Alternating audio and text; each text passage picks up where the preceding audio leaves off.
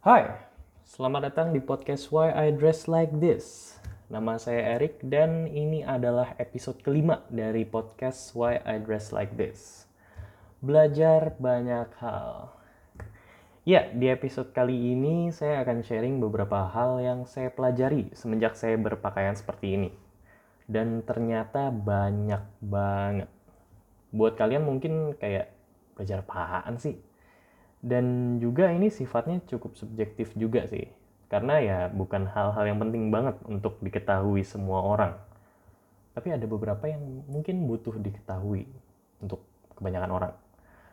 Ya lumayan aja sih buat saya yang suka tahu akan hal-hal baru, belajar hal baru, dan tahu sebab dibalik suatu akibat. Oke, langsung aja ya, dimulai dari yang praktikal-praktikal dulu. Yang paling simple kalau style seperti saya ini yang kemungkinannya tinggi untuk pakai dasi, ya mau nggak mau saya harus belajar cara pakai dasi ya nggak sih? Sebenarnya juga ini bukan pengetahuan yang harus banget dimiliki semua orang sih, khususnya laki-laki.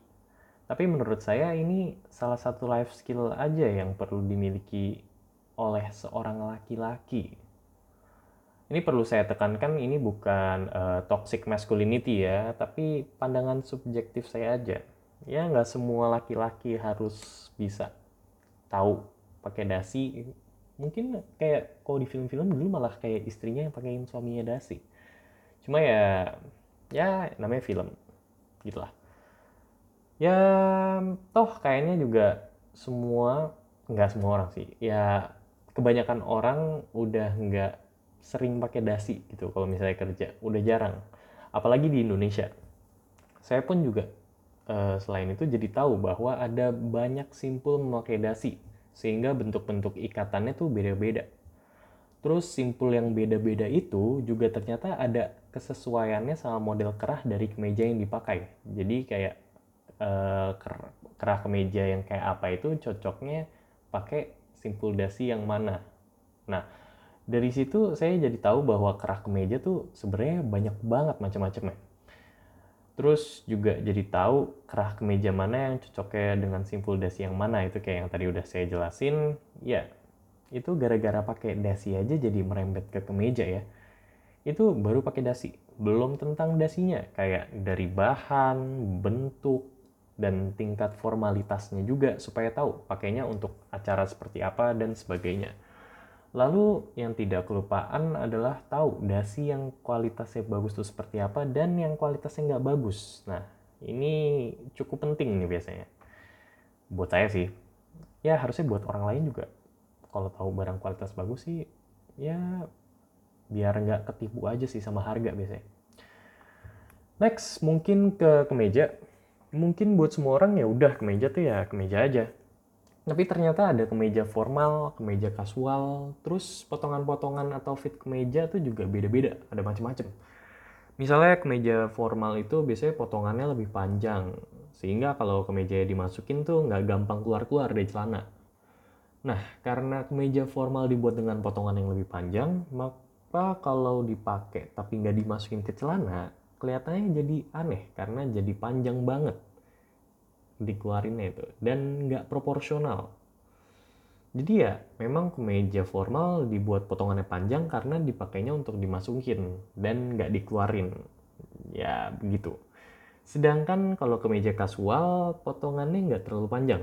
Jadi dipakainya ya untuk dikeluarin sih biasanya. Tapi nggak menutup kemungkinan untuk dimasukin juga. Cuma biasanya mungkin ya mudah keluar-keluar aja gitu dan jadi nggak rapi lagi meskipun ada beberapa style yang apa ya relax fit gitu tuh. Yang emang pakai kemejanya dimasukin tapi kayak agak keluar-keluar dikit gitu. Uh, itu ada istilahnya namanya muffin top. Tapi biasanya emang itu style yang lebih casual gitu sih. Kalau di formal mungkin kelihatannya jadi kurang rapi karena istilah muffin top tuh sebenarnya kurang positif sih. Ya dari kemeja itu juga ada cuff yang modelnya beda-beda juga. Untuk kalian yang nggak tahu cuff, cuff itu adalah bagian pada pergelangan tangan di kemeja. Nah, biasanya kemeja yang formal banget itu pakainya yang French cuff dan pakai cufflinks. Cufflinks tuh bisa dibeli secara terpisah sama kemejanya. itu kalau misalnya kalian pernah tahu tapi jarang sih biasanya biasanya cufflinks tuh dari logam gitu atau ada juga yang batu sih kayak batu batu mulia gitu wih mahal iya emang mahal sih kalau yang batu mulia cufflinks juga biasanya modelnya lucu-lucu saya pernah lihat yang modelnya tuh ada yang kepala Darth Vader terus bus double decker dan macam-macam lagi ada banyak banget macamnya Sedangkan kalau kemeja casual model cuffnya beda. Dan tapi ada macam-macam juga. Ada barrel cuff, convertible cuff, terus bisa juga jumlah kancingnya beda-beda. Bisa satu atau dua biasanya. Ya kalau kalian mau tahu itu semua kayak apa, silakan search di Google. Ini karena kayaknya jadi bercabang-cabang dan banyak, saya nggak akan jelasin secara detail banget sih ya, jadi dikit-dikit aja. Terus masalah potongan kemeja ya. Tadi tuh ya ada macam-macam kayak misalnya ada yang uh, regular fit, slim fit, tailor fit, ada yang relax fit, itu macam-macam juga tuh. Jadi tergantung potongan. Kalau tadi yang masalah potongan panjang tuh ya bahannya gitu ya, kemeja yang panjang atau enggak. Kalau yang ini fitnya tuh potongan gimana bentuk badannya itu tuh.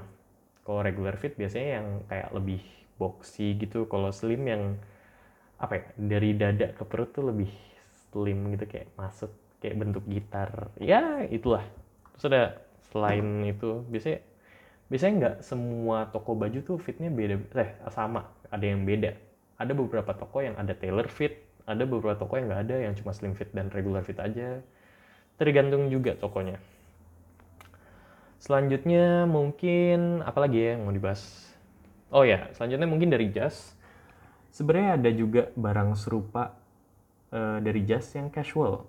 Kalau kalian tahu blazer, nah ya ya itu.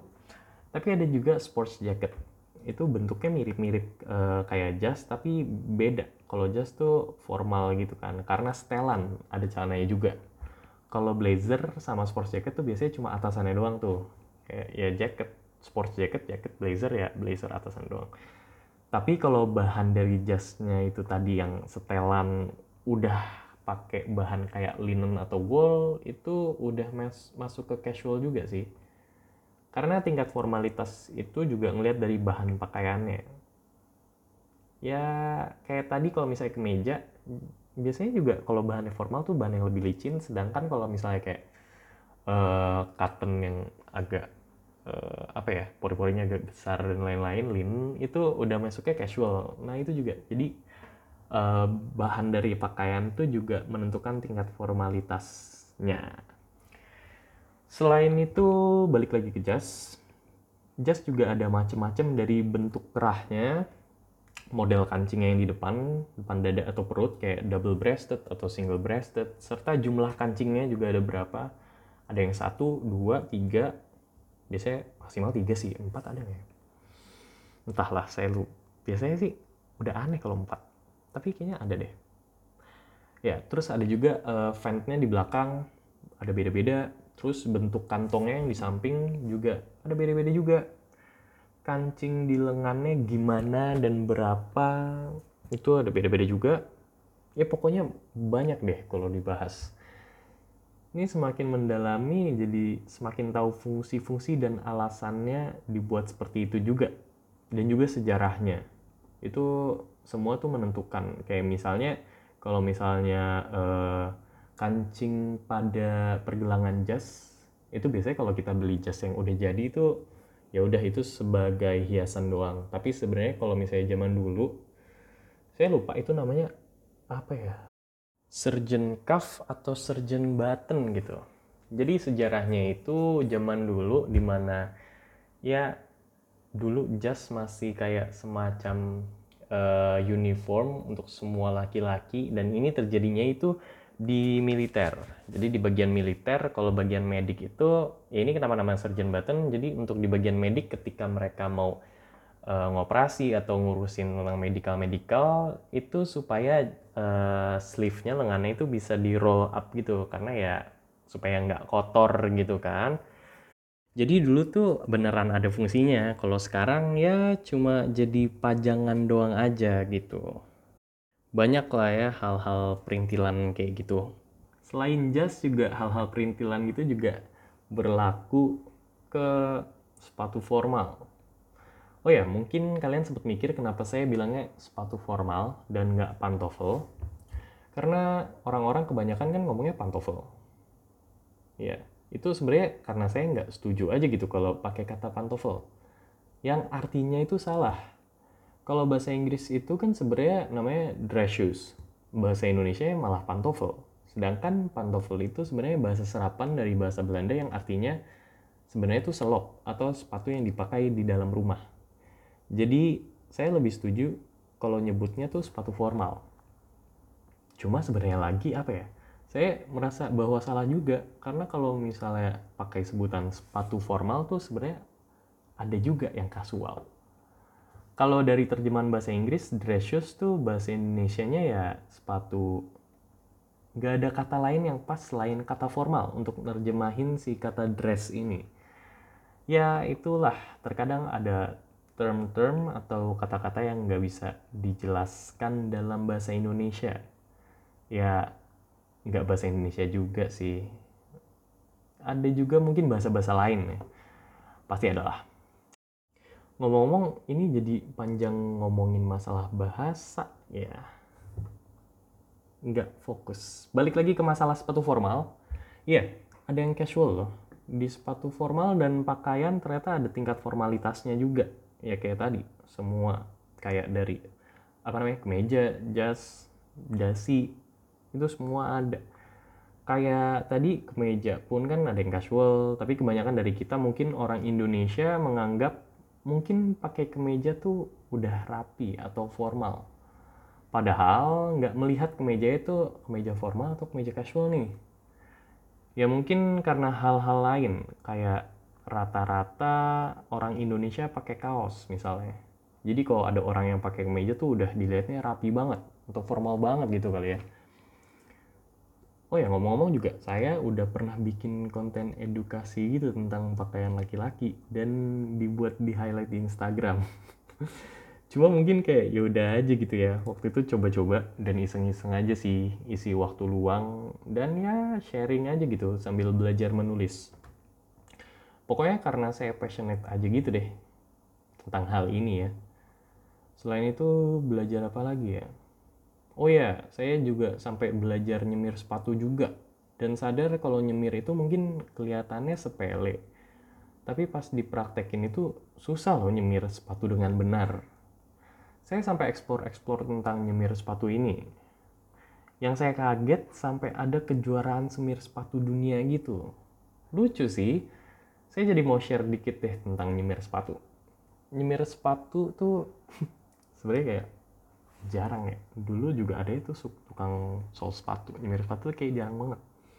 Apalagi biasanya kita nyuruh orang untuk nyemir sepatu gitu nggak pernah ada orang nyemir sepatu sendiri. Ya mungkin saya sekarang ya. Ya, saya mau share dikit tentang nyemir sepatu. Nyemir sepatu itu selain sepatu formal kita mengkilap, juga sebagai apa ya? Shuker juga. Nyemir sepatu tuh proses yang benernya ada beberapa tahap gitu. Kayak harus dibersihin dulu dari debu-debu, terus dipakein lotion. Ini lotionnya juga nggak sembarangan ya, ada yang khusus buat sepatu kulit. Itu saya beli tuh mahal ternyata, terus import lagi di Indonesia tuh nggak ada. Kayak merek Kiwi aja tuh wax. Di luar negeri tuh ada lotionnya Kiwi, tapi kalau di Indonesia nggak ada. Entahlah, ya gitu terus juga ya dipakein lotion lotion yang gak sembarangan lalu akhirnya baru disemir pakai wax. Saya yang tadinya sampai deep dive tentang nyemir ini dan pernah lihat yang namanya mirror shine terus saya sampai pengen belajar nyemir sampai hasil nyemir saya bisa dipakai buat ngaca. Karena mirror shine ini emang hasil semirannya bisa dipakai buat ngaca. Ya karena emang namanya mirror shine gitu ya. Oh ya, facts di balik nyemir sepatu itu kenapa nyemir sepatu bisa mengkilap adalah jadi seperti yang kita tahu sepatu formal atau sepatu kulit kan bahannya dari kulit ya. Ya jelas lah ya. Lalu kulit itu memiliki pori-pori. Nggak cuma kulit manusia doang, tapi kulit hewan juga. Dengan menyemir, maka wax yang kita aplikasikan ke sepatu itu akan mengisi pori-pori kulit sepatu, sehingga pori-pori itu terisi dengan wax. Nah, karena terisi, permukaan kulit sepatu itu kan jadi rata tuh. Yang tadinya pori-pori yang masuk-masuk gitu, jadi rata. Makanya cahaya yang mantul dari kulit itu akan semakin jernih. Karena ya permukaannya udah rata gitu. Kalau belum rata kayak masih berpori-pori gitu kan cahayanya ter apa ya terbias ya ya pokoknya mantulnya jadi nggak mulus kayak mantul ke mana-mana karena pori-porinya kan bentuknya misalnya apa ya bulat maksudnya bukan bentuk permukaannya tapi kayak bentuk masuknya gitu loh. Jadi e, cahayanya tidak mantul ke arah yang sama gitu. Ya pokoknya mantulnya jadi nggak mulus. Ini saya jadi mengingat pelajaran fisika tentang cahaya. Dulu tuh susah banget tuh. Ya balik lagi ke semir sepatu. Ya untuk nyemir sampai mirror shine ini dulu saya nyoba-nyoba susah banget dan gagal terus tuh waktu saya nyoba. Sampai akhirnya bisa dan puas banget sama hasilnya. Itu saya nyoba pertama kali nyemir tuh sebenarnya SMA akhir-akhir gitu. Terus udah udah kuliah sempat ada pelajaran di psikologi namanya metodik tes. Nah itu mengharuskan mahasiswa tuh berpakaian yang formal. Enggak pokoknya yang kayak orang kerja gitulah pakai kemeja pakai celana bahan pakai sepatu formal kulit gitu. Makanya waktu itu saya nggak punya sepatu kulit. Jadi punya sih sebenarnya yang tadi saya cerita di episode pertama kalau saya sepatu kulit itu dari papa saya. Terus karena si metodik tes ini saya akhirnya beli sepatu formal sendiri. Mereknya sebut merek mulu ya nggak apa-apa lah. Mereknya Napa Milano. Jadi menurut saya itu buatan Indonesia terus karena saya belajar tentang sepatu kayak kualitas yang bagus itu seperti apa si Napa Milano ini dengan harga waktu itu harganya berapa ya? 700an udah kualitasnya tuh udah oke. Okay. jadi akhirnya saya beli. Dan dari situ saya belajar nyemir lebih lagi. Iya. Jadi saya belajar nyemir tuh pas metodik tes sekitar semester 5 itu saya beli sepatunya semester 4 jadi ya semester empat lah mulai nyoba-nyoba gitu. Oh ya, ngomong-ngomong soal nyemir, saya juga buka jasa semir sepatu ya. Kalian bisa lihat di bio Instagram saya. Iya, jadi promosi. Atau saya langsung bilang aja kali ya accountnya. Ya, accountnya adalah at frank.shoeshine. Jadi bagi kalian yang tertarik, mungkin boleh dicek aja dulu. Siapa tahu mau menggunakan jasa semir saya. Ini saya baru buka pas corona-corona gini padahal sebelumnya udah sih kayak di kantor saya promosiin saya bisa nyemir terus nyemir sepatu sepatu orang-orang kantor gitu beberapa dari divisi people. Malu. Terus akhirnya ya deh buat bisnis jasa semir sepatu. Lumayan lah. Jadi sepatunya diantar ke saya. Padahal mikirnya kalau misalnya bisa itu bisa apa namanya? Kalau nggak corona mungkin kayak bisa ketemu. Kayak drop sepatunya ya kayak COD gitu kali ya tapi nggak langsung nyemir di depan dia. Kalau nyemir langsung di depan dia gitu bisa aja sih sebenarnya. Ya mungkin itu saya pikirkan untuk bisnis saya nanti ya. Iya. Pokoknya jasa semir saya nggak mahal terjangkau lah. Bisa dicek harganya ada juga di sana. Saya sampai lihat jasa semir tuh biasanya harganya berapa ya? Kalau di luar negeri tuh pokoknya mahal sih. Pokoknya di saya nggak oh, saya pernah nonton di YouTube itu kayak ada channel yang dia nyemir-nyemir sepatu. Uh, channelnya The Elegant Oxford. Itu keren banget sih mirror shine mirror shine-nya. Jadi dia kayak buka jasa gitu, sepatunya dikirim-kirim ke dia terus dia semir dan dia balikin lagi. Itu kayak jasa yang saya buat sekarang sih, cuma dia harganya beda tuh. Dan sampai membludak banget gitu, dia banyak orderan. Wow, keren. Keren banget. Ya malah ceritain channel orang lain. Ya ya balik lagi kalau misalnya saya lihat jasa semir tuh mahal. Jadi dengan punya skill nyemir ini semacam membuat saya jadi apa ya bangga gitu. Karena punya skill yang harga jasanya tuh mahal loh. Gitu. Selain itu juga apa lagi ya? Oh ya saya juga jadi sadar kalau misalnya saya berpakaian dengan rapi kayak style saya ini saya sama aja menghargai diri saya sendiri karena membuat diri saya jadi lebih menarik dan lebih enak dipandang ya. Mungkin mungkin nggak tahu. Ya kalau dari pakaian tapi kalau misalnya dari keseluruhan nggak tahu. Terus juga saya pakai pakai kual, pakaian kok yang kualitasnya bagus. Jadi dengan itu juga membuat keadaan psikologis saya lebih apa ya karena saya mikir bahwa saya taking care of myself gitu. Jadi nyaman dan ya sejahtera lah. Gitu. Terus karena pakaian yang eh, pakaian-pakaian saya gitu ya banyak kan hmm, agak mahal. Jadi saya belajar juga untuk menganut minimalism hmm, jadi saya belajar minimalism gitu karena pakaian saya. Dan berpikir ya dan punya pikiran quality over quantity. Karena kalau nggak berpikir seperti itu dan kayak nggak menganut minimalism ya tekor juga ya beli-beli pakaian kayak gitu terus banyak aduh. Ya ini nyambung juga sama episode yang strategi finansial juga yang episode 3 terus banyak juga sih positifnya dari minimalism ini. Kayak misalnya saya jadi tahu barang-barang saya apa aja. Kalau barang saya ada yang hilang gampang taunya. Karena barangnya sedikit gitu kan Terus kalau ngerawat barang, jadi lebih sedikit barang yang dirawat dan membuat saya jadi lebih sedikit mengeluarkan energi. Apalagi saya benar-benar jadi menggunakan energi saya hanya untuk merawat barang-barang yang meter buat saya. Karena yang tadi kualitasnya bagus, lebih sedikit. Jadi yang barang-barang saya punya tuh yang emang meter aja. Kayak Mary Kondo, Sparks Joy. Ya. Selain itu juga saya belajar bahwa berpenampilan dengan baik itu berarti kita menghargai orang yang akan kita temui. Nggak tahu juga sih, tapi siapa tahu ada yang ngerasa dihargai karena saya ketemu dengan mereka dengan berpakaian rapi. Karena saya pernah dengar kalau berpakaian rapi itu sama aja kita menunjukkan effort kali ya. Kalau kita mau ketemu seseorang, Ya padahal sih saya nggak effort-effort banget karena emang saya berpakaian seperti ini. Aduh, ini kalau orang lain tahu mungkin jadi, oh jadi lu tuh sebenarnya nggak menghargai gue. Ya, gue menghargai lu dengan gue jadi seperti ini sih. Ya nggak tahu. Ya, ini saya jadi bingung dengan itu. Tapi enggak lah, pokoknya memang berpakaian rapi itu katanya menghargai orang yang akan ditemui. Ya, saya setuju juga sih dengan itu Terus um, berhubungan dengan orang lain tadi, saya juga belajar tentang manners. Kayak gimana cara berkomunikasi dengan orang yang sopan atau benar. Juga table manner misalnya. Pokoknya terkait dengan etika atau etiket gitu deh.